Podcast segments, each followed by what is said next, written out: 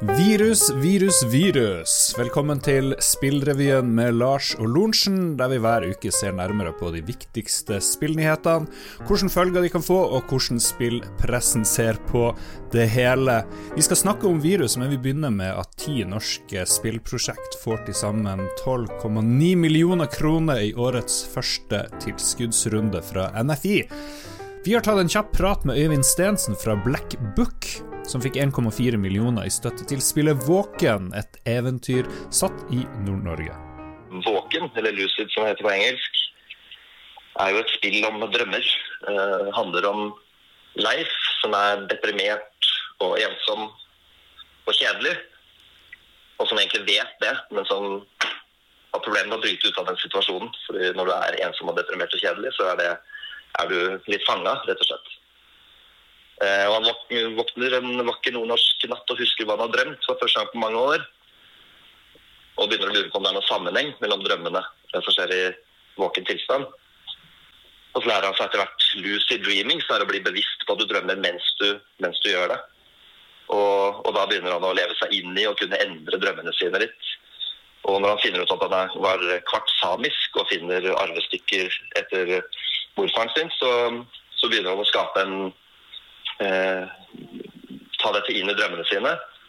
Og han begynner å, mener han begynner å se sammenhenger fra de notatene han finner der, med livet hans generelt. Og hvordan er det mulig? Er han i ferd med å bli gal, eller er det noe annet som skjer? Hvor viktig er NFI-støtta for prosjektet deres? Jeg vet ikke helt uh, hvor verken vårt uh, prosjekt eller norsk spillbransje hadde vært, hvis ikke det hadde vært for at NFI har midler å bruke på spill. Nå har jo de eh, legget etter eh, det som f.eks. film har fått en stund, men jeg er veldig glad for at det er økt satsing på det nå. Og i det hele tatt det de har kunnet gi ut, har jo fått liv og holdt liv i en norsk spillbransje. Mm. Det, er jo, det er jo litt mangel på miljøer og forståelse for uh, denne kunst- og underholdningsformen ellers når spillebransjen har vært satset så, såpass lite økonomisk på, og samtidig får så mye ut av det, så, så tenker jeg det er veldig bra signal om at uh, putter man mer inn, så får man også enda mer ut.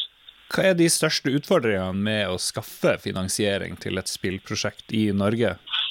Ja, Du kan jo si at uh, et lite land som Norge, som, hvor det er her er det jo åpenbart trygt å satse på eller investere i eiendom og investere i olje- og gassrelaterte uh, selskaper og prosjekter. Så, så har ikke akkurat spill og underholdning fått så mye plass. Så det har jo vært en generell mangel på miljøer som forstår spill innen mm. forretninger. Så klart, det, det begynner å bedre seg. Og det er jo bare å se over svenskegrensa, så ser man jo miljøer som er mye, mer, mye større og har mye, mye, høyere aktivitet.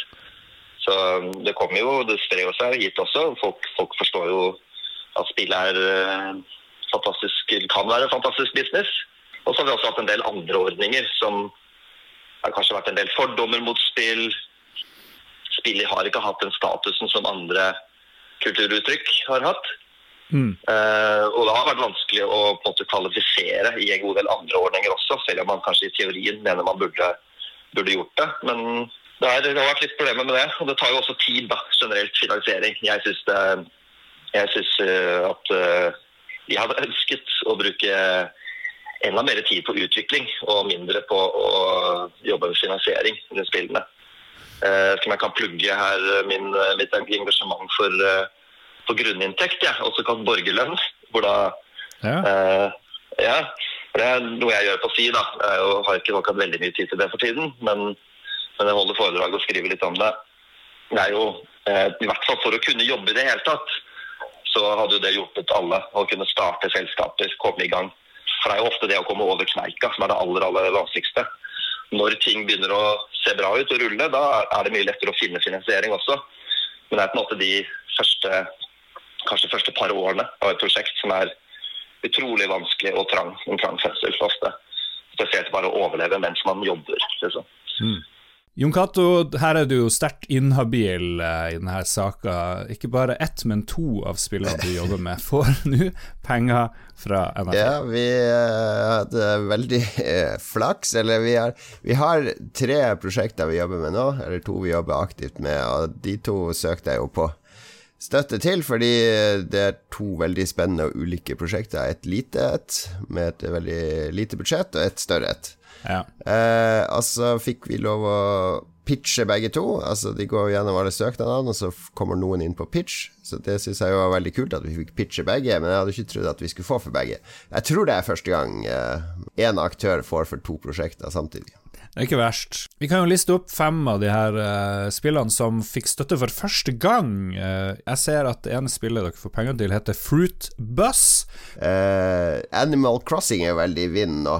det kommer jo nå i mars nye Nintendo-spillet med søte dyr. Det er litt i samme gate. Det er søte dyr på to bein, og du har en foodtruck som du lever og bor i og kjører rundt i en diger, åpen verden og samler ingredienser. Og så er det som er litt kult, er at du kan lage hva du vil. Altså Du kan hakke opp og blende ting og, og sette sammen dine egne retter, så du da skal selge til disse dyrene. Dirty Bit kommer med Funrun 2020. Det er ikke så mye å si om det, kanskje. De har jo hatt stor suksess med Funrun-serien. 125 millioner nedlastinger så langt. Funrun er en av de største norske uh, spillsuksessene noen gang. Uh, gigasvært spill som de klarte å lage. Ja.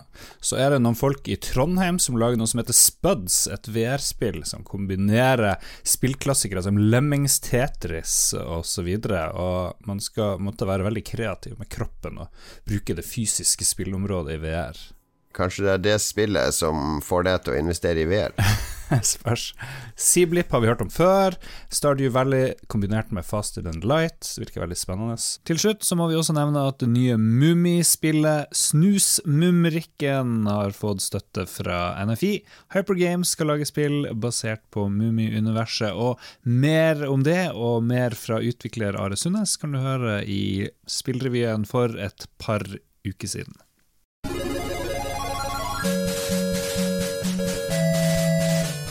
Spillmessa Game Developers Conference er utsatt til sommeren. Virus, virus, virus. Fredag ble det klart at så mange hadde avlyst sine besøk til San Francisco at det ikke var vits å gjennomføre arrangementet.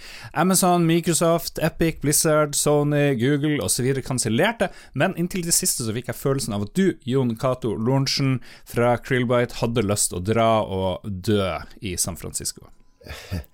Ja, lyst og lyst. Altså, GDC for meg er jo masse møter med, for å prøve å skaffe partnere til de spillene vi jobber med, uh, og penger og osv.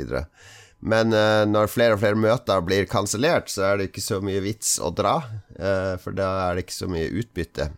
GDC fungerer jo på flere plan. ikke sant? For det første så er det en masse sånne gode talks der spillutviklere deler av erfaringene sine, og man kan lære en hel masse.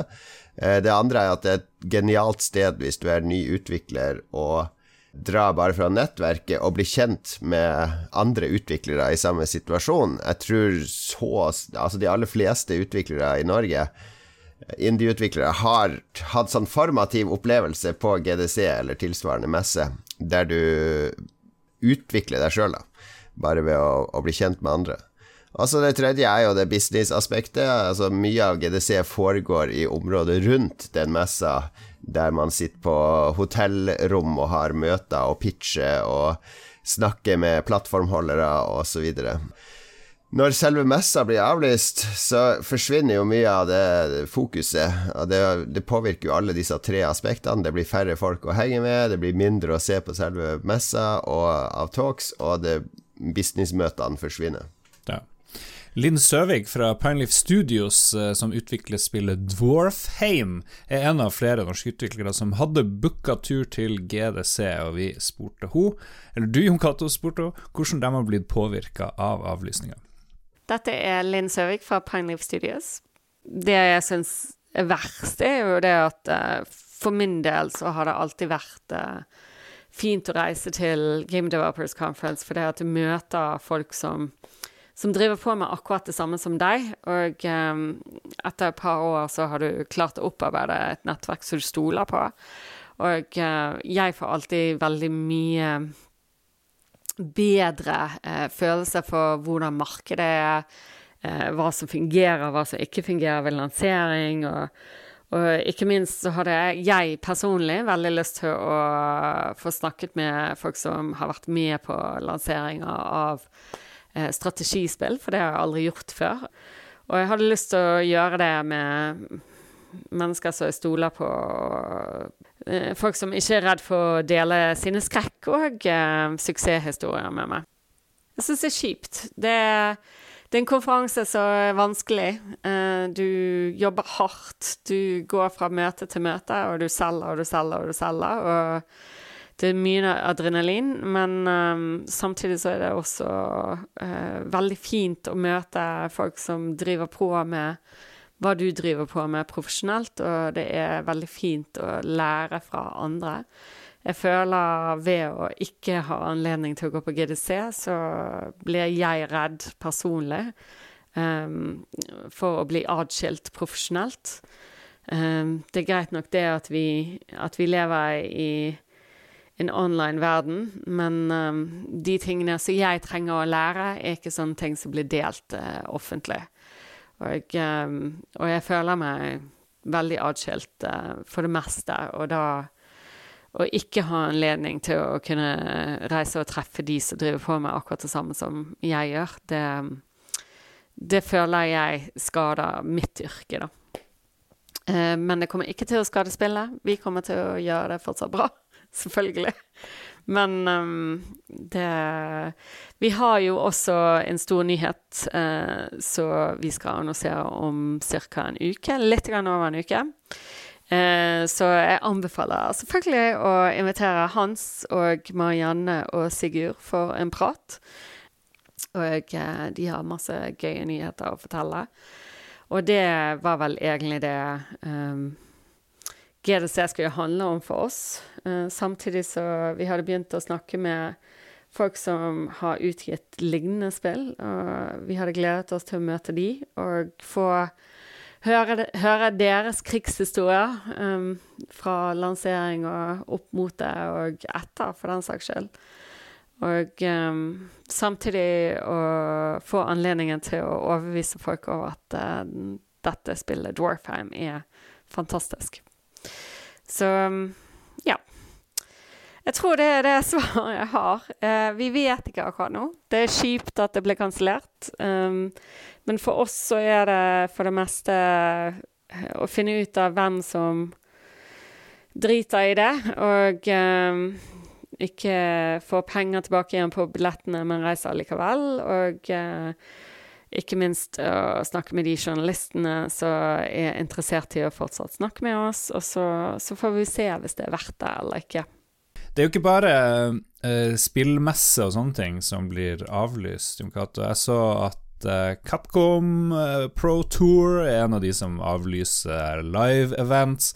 Et sånn ESL Pro Tour-greie i Polen.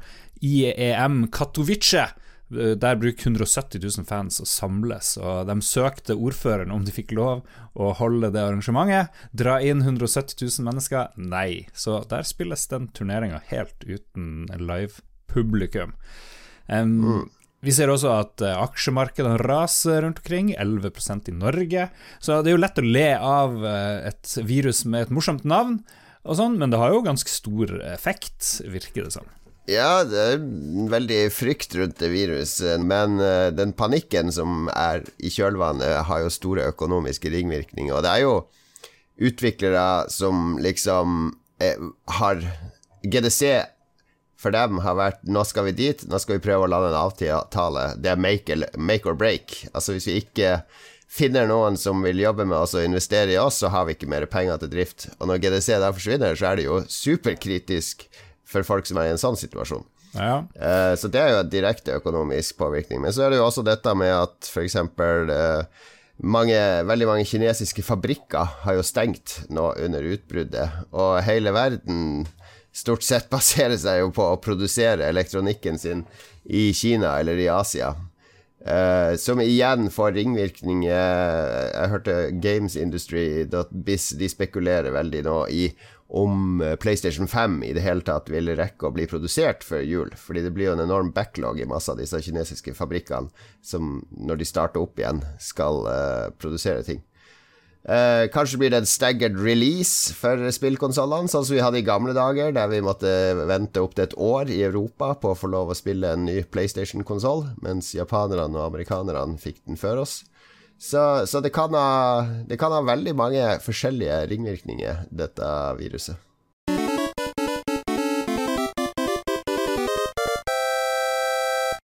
I forrige uke så døde tidligere Konami-koder og produsent Katsuhisa Hashimoto. Hashimoto lagde Konami-koden, som har blitt et slags meme, ikke bare i spill, men også i populærkulturen. Og her er en liten quiz til deg, Jon Cato. Hva er Konami-koden? Det er uh, Hvis du spiller på Nintendo 8-bit, uh, så, så, kan du trykke opp, opp, ned, ned, venstre, høyre, venstre, høyre. BA, er det vel? Venstre, venstre, høyre, høyre. Ja, altså BA. Eh, dette var en sånn universell juksekode uh, i Konami-spill, så den funka i veldig mange Konami-spill. Uh, jeg tror vel kanskje at det egentlig bare var en sånn debug-kode som de mm. brukte internt i Konami eh, for å lettere eh, teste spillene for bugs. Ja, jo da, det var jo det. Men det har jo dukka opp i, i, andre spill etter hvert, og i bøker har jeg lest det, og film. og Uh, når du kunne Konami-koden, eller når du lærte den første gang når du var liten, det var sikkert et stort øyeblikk for de som, som oppdaga det. Altså bare første gang de prøv, Kanskje virker den i dette spillet òg.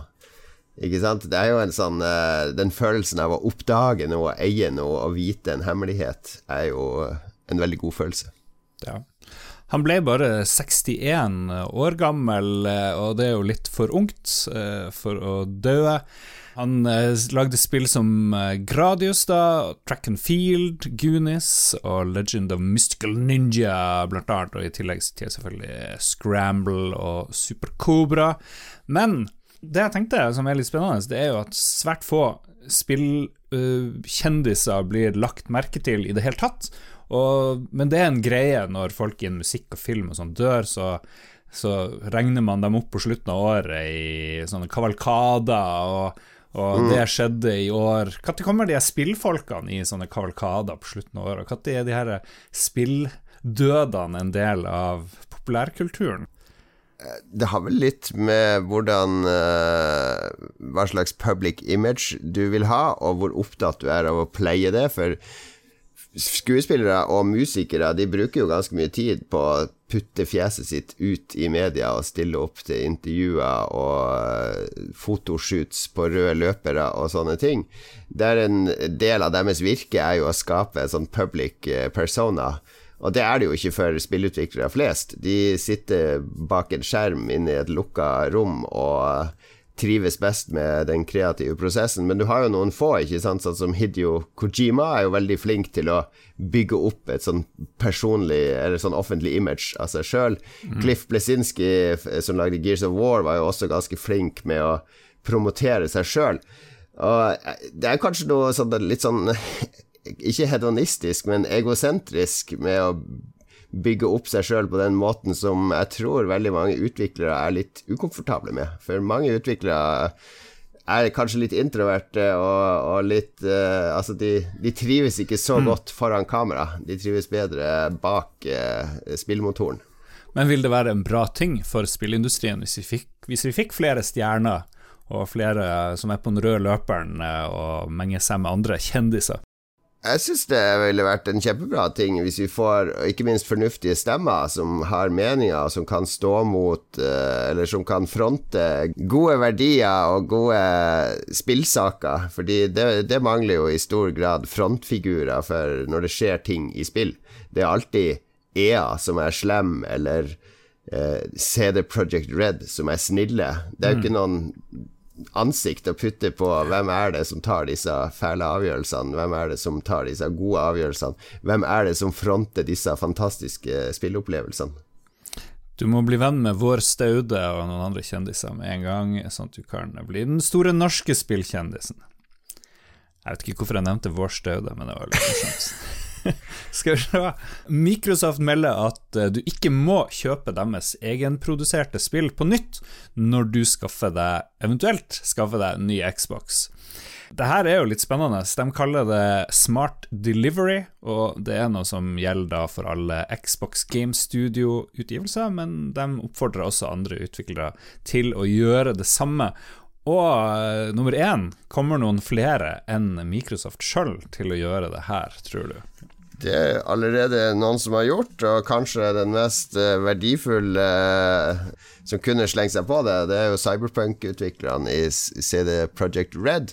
Ja. Gikk utbasunerte at selvsagt skal alle få gratis oppgradering av vårt spill. Hvis du kjøper det på Xbox One, og senere kjøper deg en Xbox One X, så skal du få den oppgraderte versjonen gratis. Ja. Du nevnte at CD Project Red var the good guys, og det her gjør de vel for å sementere goodwill eh, hos folket?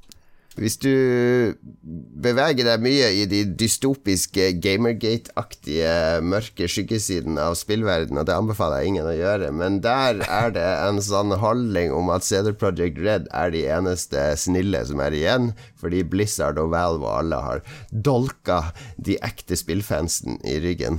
Eh, for de som ikke hører det på stemmen min, så er det ironiske ord fra meg, det her. Men CD Projekt Red er veldig flinke til å playe sitt community, og de har en veldig sånn hardcore PC-fanbase som, som, elsker dem. Så jeg, jeg syns det er uh, For forbrukere så er jo det her uh, genialt. Det, alle vi har vel gått i den fella at vi har kjøpt GTA 5. Først på PlayStation 3, oh, yeah. og så på PlayStation 4, og så på PC. Det er ganske mange som har hatt en trippeldipp på akkurat det spillet. Og Skyrim, for eksempel. Hvor mange versjoneringer finnes det ikke av det? Yeah. Så jeg er vel tvilsom til at Betesta og andre varmt vil kaste seg over dette. For det er jo mye penger i å lage og gi ut disse remakes. Sony har vært veldig flink eh, med det. Eh, det finnes jo masse spill på PS4 som er oppgradert til PS3-versjoner, som du har måttet kjøpe på nytt. Mm. Ja.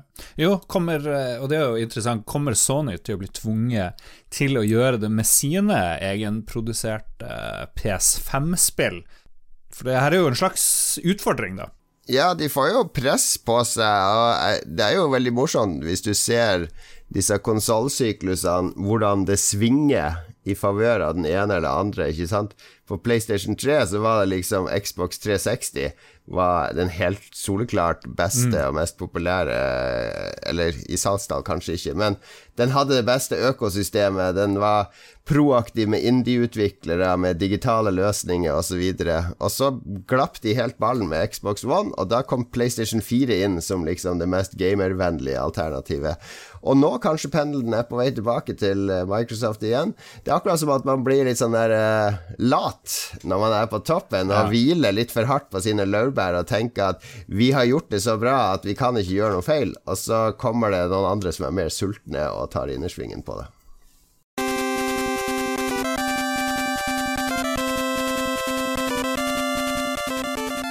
Vi hopper over på hvilke spill som kom ut eh, denne uka her. Og du har plukka ut to eh, ting du har lyst til å tipse ja, folk om. Det kommer jo en hel haug med spill hver uke, men det er litt poeng i å ramse opp alt som kommer. Vi plukker ut det som fanger vår interesse. Og et spill som eh, jeg bitt meg merke til i som kom denne uka, var Ys Ysbryt Games sitt World of Horror. Det er sånn uh, manga-anime. Inspirert svart-hvitt skrekkspill. En blanding av rollespill og rogue Eh, type spill, altså med spill som genererer innholdet litt sånn tilfeldig hver gang du spiller. Eh, og veldig, veldig inspirert av eh, uh, japansk sånn horror-anime. Det er ganske skumle, ekle bilder av skikkelig guffen stemning i det spillet. Altså det spilles det som en slags 80-talls pek og klikk, mm. Windows-basert RPG. Uh, det andre er jo Dota Underlords. Det har vært ute i sånn tidlig alfa- eller beta-versjon en stund, men ble offisielt lansert nå 25.2. Og det er jo Valve sin uh, auto-battler-spill, eller auto-chess er det vel kanskje den sjangeren heter. Mm. Altså spill der du velger styrker og plasserer de ut på en sånn slagmark, og så spiller spillet av seg sjøl. Så hele fundamentet i disse spillene handler litt om hvordan du disponerer økonomien, hva slags valg du gjør mellom rundene. Uh, og du spiller mot andre spillere i, i et slags uh, uh, cup-system. Ute på både mobil og tablets og det meste som fins av uh, maskinvare som kan kjøre spill. Det var spillene vi bryr oss om uh, denne uka her. Vi er tilbake på onsdag for dem som ikke klarer å vente en hel uke på noe mer viktige ting fra oss. For da kommer nemlig Lolbua, ukentlige populærkulturelle showet som varer mye lenger enn det her. Mye mer tull og vas, men kan være verdt å få med seg.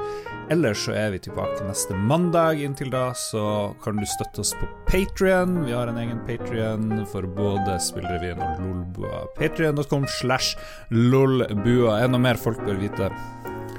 Nei, hold deg innendørs, vask hendene og ja. host. Host uh, i uh, håndflata. Få panikk. Få panikk med en gang. Ikke få panikk.